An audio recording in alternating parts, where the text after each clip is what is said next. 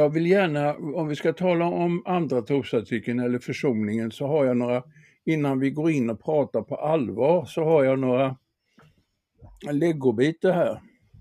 Mm.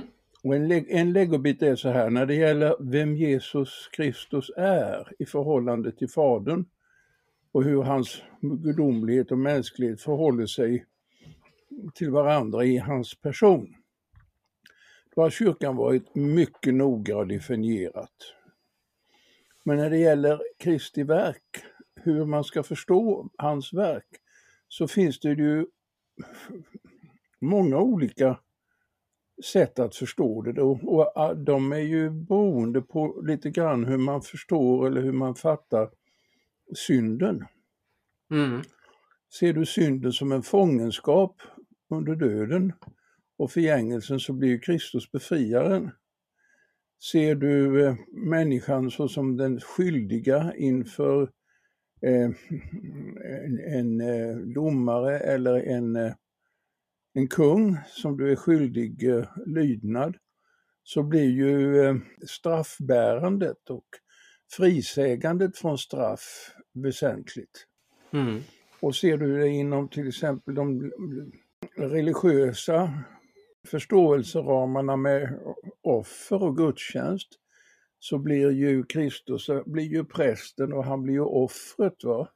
Mm. Så det är, det är mångdimensionellt och jag tyckte Gud är alltid densamme och har ingenting agg mot oss men vi har agg mot Gud och därför är det vi som måste försonas, alltså den här idén. va. Eller detta som jag själv har försökt tänka på, alltså att människan är skapad till Guds avbild för att uppnå hans likhet. Det är inte bara detta att människan står i ett slags eh, vasallförhållande till Gud, är skyldig Gud lydnad. Och om man inte är lydig så blir man, ådrar man sig skuld och straff och det måste på något sätt sonas. Va? Eller ordnas. Utan att om du synden Synden är visserligen ett uppror, men synden är att gå ur den vilja som Gud har för att människan ska bli det hon är avsedd att vara och när hon går ur detta så är det både en akt utav olydnad och uppror men det är också ett slags missriktad frihetsmanifestation som får den kons konsekvensen att människan förlorar både sin, sitt livsmål och sin identitet. Och, och domen är då egentligen att människan inte blir den hon är avsedd att vara när hon jämförs med Kristus.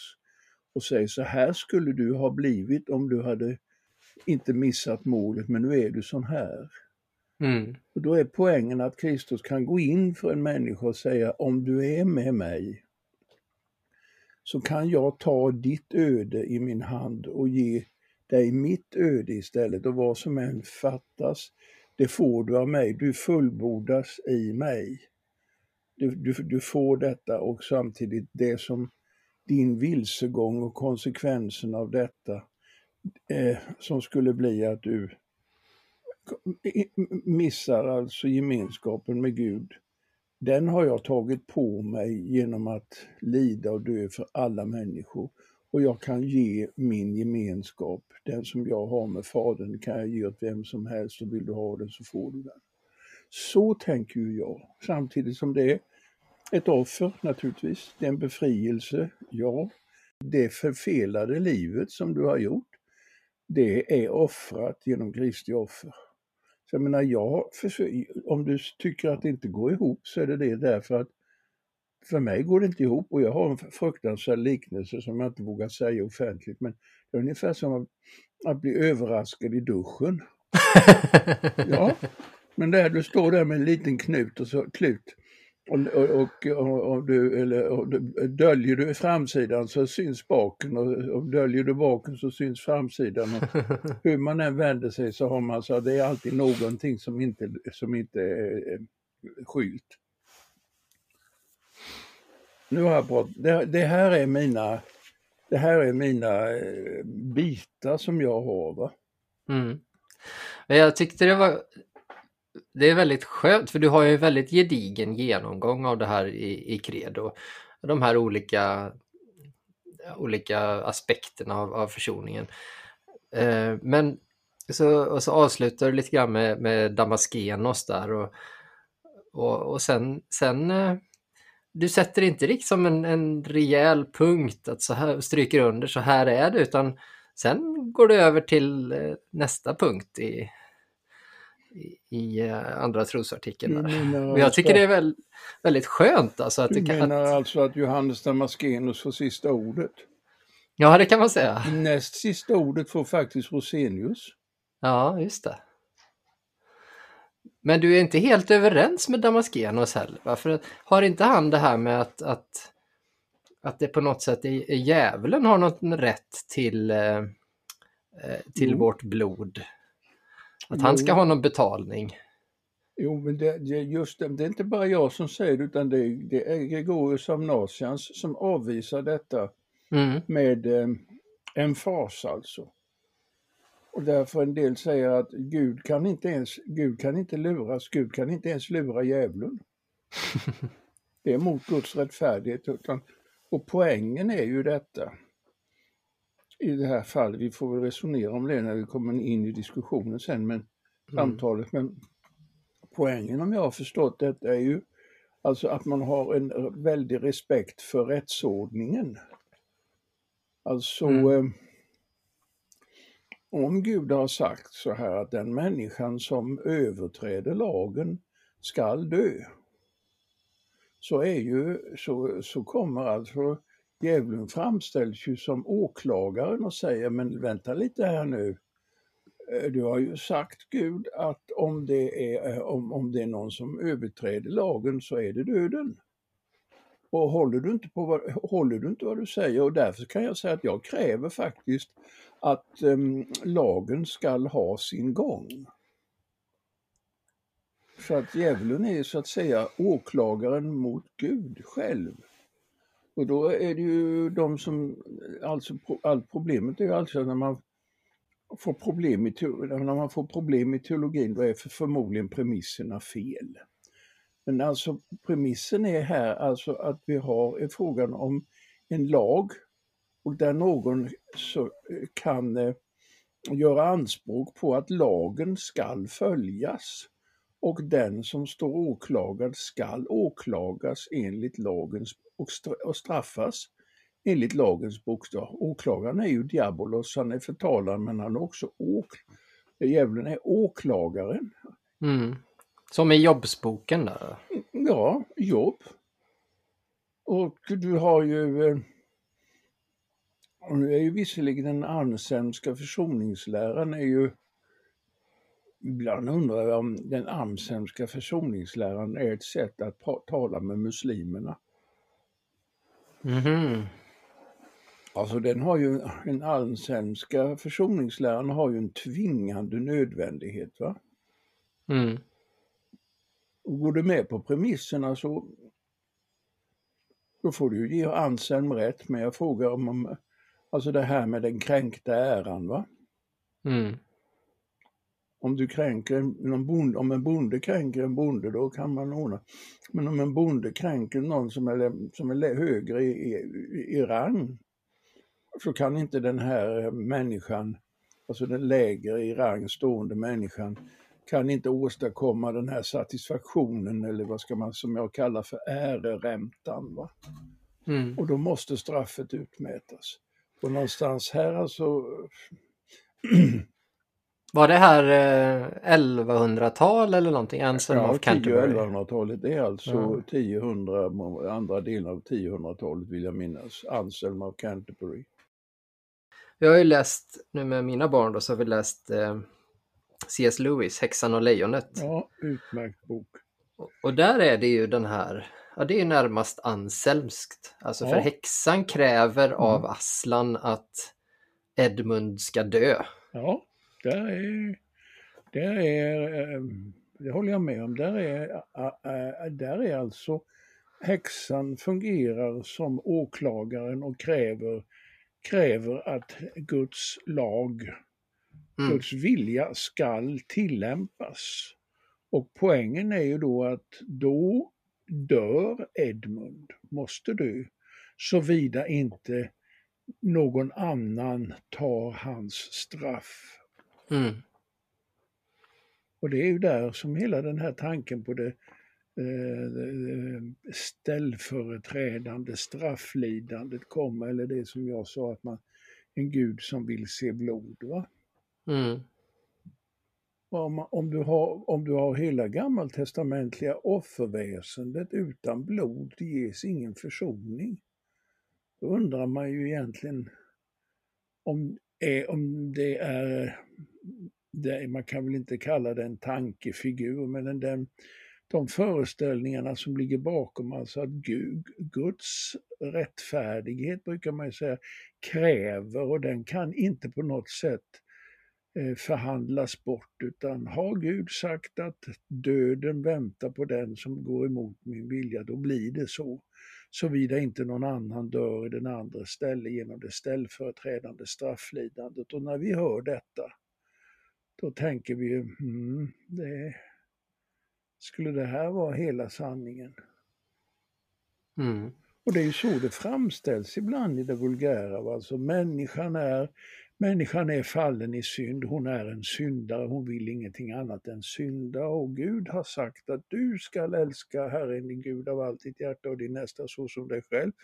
Och det finns eh, illustrerat i de tio budorden. Och när du, människa som är född i synd och eh, har ett syndafördärv, gör detta, då ådrar du dig en gudomlig dödsdom och helvetet väntar på dig. Men nu, det, det var de dåliga nyheterna. De goda nyheterna det är att Gud själv sänder sin son och tar på sig hela människosläktets gudsfrånvändhet och synd och lider på Golgata straffet och utgjuter sitt eget blod såsom som offer, soningsoffer och um, i och med att han dör på korset så tillfredsställs Guds eh, rättfärdighetskrav och Gud kan därför då förlåta människor därför att sonen har på ett ställföreträdande sätt trätt in för människan och räddat henne genom sin död. Det är ju så ofta som, ofta så det framställs ju. Mm.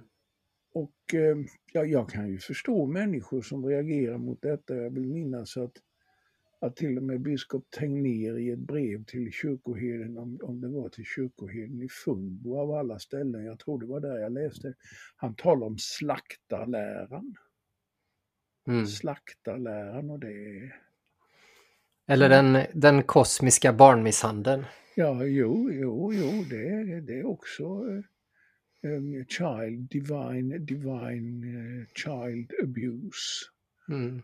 Och det kan man ju och titta nu är det rödhakar utanför vår jul. Åh, lyckliga ni som har rödhakar. De kommer som en liten hälsning här nu när vi sitter och tänker på, på, på Jesus, han, han som fick sitt röda han som fick sitt röda bröst därför att han mm. Pickade. Ja, det finns någon berättelse om rödhaken och frälsaren där. Det var en liten vacker hälsning. Men mm. Gud är en rättfärdig Gud så han luras inte utan är det så att eh, det finns ett krav på rättfärdighet så uppfyller Gud detta och, eh, och så tvingas de genom de här logiska resonemangen att säga ja men då måste det nog vara så. Då, som vanligt så ringer mina teologiska klockor och säger nej, här så fort man råkar in i några sådana här absurda konsekvenser, då måste man kolla om inte premisserna, de teologiska premisserna är fel. Mm. Och så får man tänka om från början och så säga, men du, du, du får, hur ska du få det här att gå ihop? Och jag har, eftersom jag inte är matematiker utan poet så har jag fått skarva både lite här och där och kan använda liknelser. Jag brukar säga så här att en teologer som vill ha allting som ett schackparti, allting går ihop, då ligger heresin väldigt nära. När allting är utan motsägelse, och fint, fint, fint system, då tänker jag här är heresin rätt nära, här ligger det nära. Här, de som har den så att säga fysiska eller inkarnatoriska synen på försoningsverket. För det, det är ju en tanke att i och med att Krist, i och med att det gudomliga logos, sonen, blir människa, så är på sätt och vis människosläktet redan frälst i honom. Han har gjort allt vad han behöver göra för att man ska bli frälst. Och liknelsen för den är ju, jag vill minnas att det är Athanasius som säger detta, det är som om att jämföra med när en kung med eh, makt och myndighet kommer in i en stad och han har med sig sin hird eller vad det heter, då är ju busarna och eh, de andra håller sig väldigt lugna. Därför att de vet att nu är kungen här och han har makt att liksom utplåna dem. Det blir lugnt. Kungens närvaro räddar staden. Det är ett sätt att resonera. Och jag vill minnas att eh, Ireneus också tänker på detta sättet att när Gud går in i världen genom sonen så hanterar han den olydnad som fanns hos människorna och genom inkorporeringen i hans kropp genom tron så blir man delaktig av den här, den nya Adams alla egenskaper och privilegier och man blir frälst. Så att eh, inkarnationen och människoblivandet är den stora saken. Naturligtvis, det förminskar inte korsets betydelse men eh, i den synen så är, ligger inte tonvikten på som till exempel hos många i protestantisk och i evangelikal förkunnelse att Jesus kom till världen för en enda sak, nämligen att lida och dö i människ den syndiga människans ställe och ge sitt blod. Och då tänker man, ja det är säkert alldeles rätt men ska vi inte se detta i ett större sammanhang? Mm. Sen har du ju det här eh, som vi sa också att om du ser Kristi verk mot det gamla testamentets offerväsende, då har du ju alltså en Gud som kräver offer. En offer ett offer som går i olika sorters offer. Försoning, försoningsoffret en gång om året och prästen som går in och detta för att hålla världen eller förbundet igång, giltigt. Och då är det ju lätt att föreställa sig att den som kommer sänd från Gud är det gudomliga offret som upphäver alla andra offer. Och då är det märkvärdigt, ja men vem är då översteprästen? Ja, ja, vem är översteprästen? Ja, det måste ju vara han själv. Och vem är offret? Jo, men det måste ju vara han själv. Och vem är det som tar emot detta offret? Ja, då är det ju Fadern. Men i och med detta att vi tror att Fadern och Sonen och Anden är ett så blir det ju så att Sonen offrar sig själv åt sig själv som ett, han är, han är både prästen och offret, men han är också den som i så att säga gemenskapen med den här substansidentitet eller gemenskapen med Fadern är den som tar emot sitt eget offer.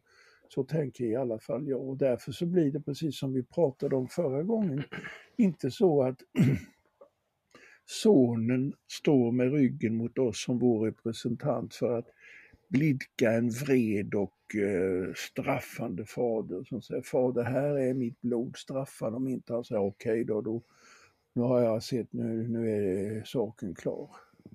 Det är klart att Gamla Testamentets off, offer finns med som en bakgrund till hur vi ska se Kristus. Och i, jag menar, i gudstjänsten, i den romersk-katolska gudstjänsten, så offrar ju faktiskt, det läste jag in, i en eh, katekes häromdagen, så offrar ju prästen på ett oblodigt sätt Kristus igen.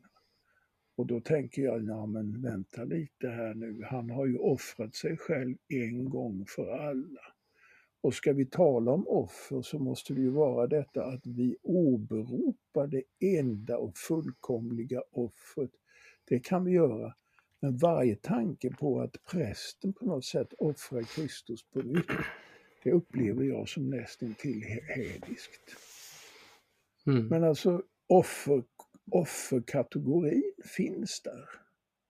Så har du ytterligare en, en dimension i det här verket, nämligen människan är ju fånge under den onda makten, under djävulen. Och vad blir, vad blir det då för, eh, vad, och döden och förgängelsen och så. Vad blir det då för en bild? Jo, då är det ju befriaren.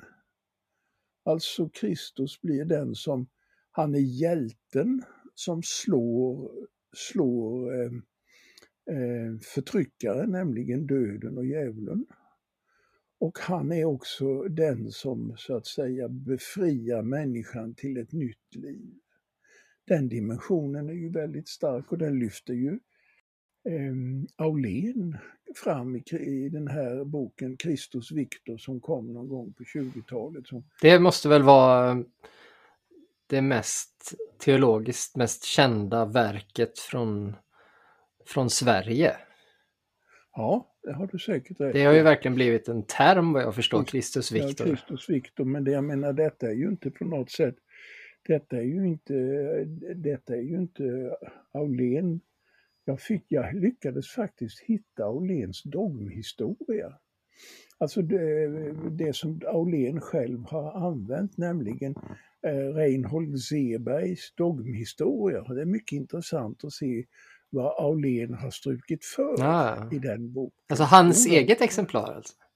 Ja, han, Aulén, jag har faktiskt Auléns exemplar utav Reinhold Sebergs stora. Så jag menar, Aulén har ju inte hittat på allt, utan han är, han är en... Um, Ett teologiskt tryffelsvin. Åh, oh, oh, låter bekant. ja, men han har hittat goda bitar och uh, och eh, använt dem. Men detta är ju inte någon, på något, något sätt nytt. Men han, jag har inte läst Kristus Victor, det borde man kanske göra, men visst, ja, visst hänvisar han till... Den, eh, den, den, heter den, jag vill minnas att den heter Den kristna gudsbilden. Mm.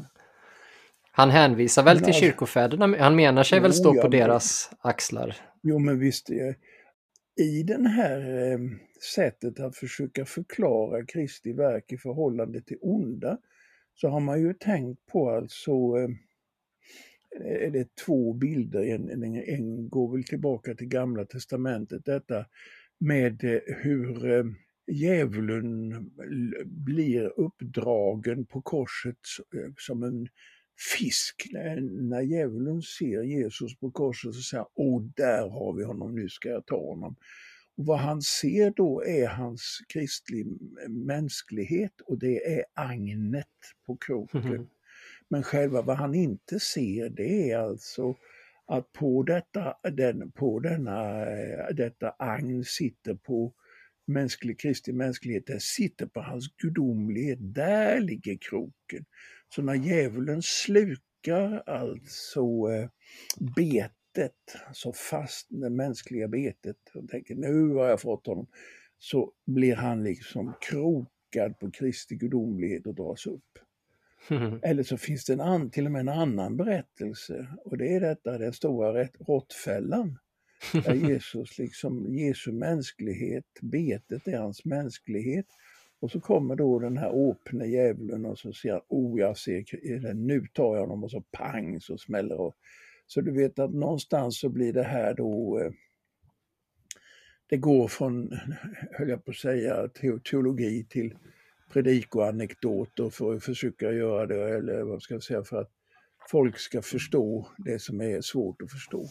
Mm. Så jag menar, jag tror att man får, eh, till skillnad från Kristi persons väldefinierade ramar, tror jag att man får, när det gäller Kristi verk, acceptera att du har en mångdimensionalitet med olika bilder som går in i varandra, olika föreställningar. Och där om man ska försöka få alla att stämma överens så jag tror inte det går utan det är bilder som skaver mot varandra. Och för man ut bilderna in absurdum så blir det verkligen egendomligt och absurt. Utan man får accepterat och säga här finns en skärva i det här perspektivet så är det den här, ehm, e, är det detta som lyftes fram och det är rätt. Men eh, i det här sättet att betrakta det så ser man en annan, en annan, något annat viktigt som framhävs. Va? Så säger man, ja men de där kan du inte använda samtidigt. Nej, men du får faktiskt försöka hålla två eller tre bilder i huvudet samtidigt. Mm. De har ju laborerat med den objektiva försoningsläran och den subjektiva försoningsläran. Och jag menar, Anselm, vad man än kan säga om Anselm, så är det ju en... Om du tar den här vasallmodellen och sätter in Kristi verk i den så passar det ju väldigt bra. Människan är tvung, människan är Guds eh, underordnade vasall och, och ska alltså vara trogen mot honom men har inte varit det utan ådrar sig ett, en skuld. Och i och med att hon har ådragit sig en skuld mot sin skapare så den ändliga människan kan aldrig eh, hon kan göra, hon kan så att säga reglera sin skuld, men hon har ett slags ränta. Hon har alltså kränkt Guds ära och Gud ska ha det i analogi då med de här vasallerna. Man ska ha en slags, det jag kallar för äreränta. Och det kan inte människan själv åstadkomma, alltså är det kört för henne. Medan däremot kan alltså det som Gud, det som Gud själv kräver, äreräntan, kan Gud själv ordna genom att sonen som är gudomlig gör vad människan ska göra, nämligen lider och dör för sin synd, men samtidigt betalar den här äreräntan och därmed är Guds ära då upprättad och människan kan frikännas därför att Kristus har lidit för henne och har betalat denna satisfaktion eller äreränta. Jag menar, går du med på de premisserna så säger jag, så är det. Men som jag sa att om det är en sån transaktion som man ska ha till, sitt, till sin Gud, och tjänster. det, är möjligt att somliga blir väldigt lyckliga över detta, klart och redigt och så vidare jag säger att det här känns väldigt, eh, det må vara logiskt och eh, men det känns inte, det, det, det känns eh, det känns inte som någonting som jag skulle vilja gå in på egentligen. Mm. Jag har svårt att föreställa mig alltså detta som vi, Jesus säger att vad, vad, vad han släpper in oss i det är ju nämligen sin egen faders tro, va? den gode fadern. Och det, det har jag svårt att se det här, den anselmska läran som en, den gode fadern. Men mot detta brukar de ju ställa då mm, Abelard. Och det är inte så enkelt som en del har velat göra det därför att Abelard är ju Abelard, det, det var ju han som blev förälskad i en ung flicka. Och vilket, mm. Eloise. Ja, Eloise, ja du vet ju hur det gick för honom. Mm. Oh, jag ska inte gå in på några detaljer här men hon gick i kloster och han hade väl inte så stor glädje utav ja. Men han reagerade ju mot detta och jag tror att han gjorde det med, med eh, rätta. Men det var ju inte så att han trodde bara att det var Gud, att vi skulle liksom eh, försonas, utan han hade ju också, vill jag minnas, Kristus såsom den i himlen förebedjande för människan också i vilken man blev inkorporerad genom tro och dop. Så att eh, Abelard är inte så enkel som ibland har framställt att det är en sub, att det är jag som liksom måste tro att Gud är snäll och så ordnar det sig.